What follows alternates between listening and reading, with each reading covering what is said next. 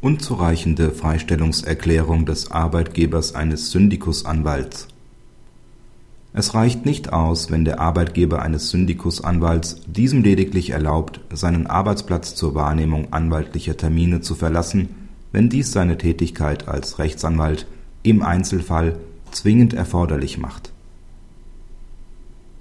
Ein zugelassener Anwalt ist bei einem nichtanwaltlichen Arbeitgeber in einem ständigen Beschäftigungsverhältnis angestellt als seine Rechtsanwaltskammer dies durch Zufall erfährt, forderte sie den Anwalt auf, eine Freistellungserklärung seines Arbeitgebers vorzulegen. Die vom Anwalt daraufhin eingereichte Erklärung seines Arbeitgebers enthielt das Einverständnis, dass der Anwalt neben seiner Beschäftigung bei ihm den Beruf des Rechtsanwalts ausüben dürfe. Insbesondere sei er berechtigt, seine Arbeitsstätte zur Wahrnehmung anwaltlicher Termine zu verlassen wenn dies seine Tätigkeit als Rechtsanwalt im Einzelfall zwingend erforderlich macht. Die Kammer teilte dem Anwalt mit, dass diese Erklärung nicht ausreiche, da sie nicht mit der ständigen Rechtsprechung zu den Voraussetzungen der Unabhängigkeit eines Anwalts im Einklang stehe. Nachdem der Anwalt keine neue Erklärung vorgelegt hatte, wurde ihm die Zulassung widerrufen. Mit seinem noch nicht rechtskräftigen Beschluss bestätigte der Anwaltsgerichtshof Rheinland-Pfalz die Rechtmäßigkeit des Widerrufs. Die Zulassung musste gemäß § 14 Absatz 2 Nummer 8 BRAO widerrufen werden, da der Anwalt eine zweitberufliche Tätigkeit ausübt, die mit seiner Stellung als unabhängiges Organ der Rechtspflege nicht vereinbar ist. Nach der ständigen Rechtsprechung des BGH muss ein Anwalt seinen Anwaltsberuf in einem, wenn auch beschränkten oder doch irgendwie nennenswerten Umfang und jedenfalls mehr als bloß gelegentlich ausüben können.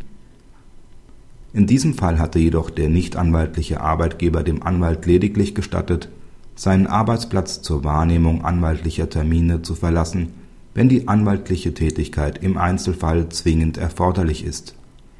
Mit dieser Einschränkung verfügt der Anwalt nicht über den erforderlichen Freiraum, seine Anwaltstätigkeit tatsächlich unabhängig zu gestalten ein Anwalt muss stets in eigener Verantwortung entscheiden können, welche konkreten Tätigkeiten er zu welchem Zeitpunkt ausüben möchte.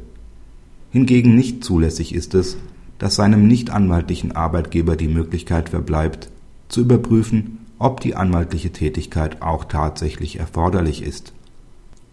Praxishinweis Gemäß § 56 Absatz 2 Nummer 1 BRAO ist jeder Anwalt verpflichtet, seiner Rechtsanwaltskammer unverzüglich die Eingehung eines Beschäftigungsverhältnisses zur Kenntnis zu bringen.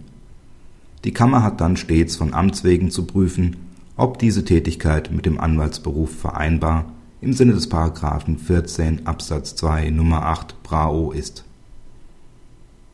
Hilfreiche Muster für mit der höchstrichterlichen Rechtsprechung im Einklang stehende Freistellungserklärungen des Arbeitgebers eines Syndikusanwalts finden Sie beispielsweise auf den Internetseiten der Rechtsanwaltskammern Hamm, Berlin und Köln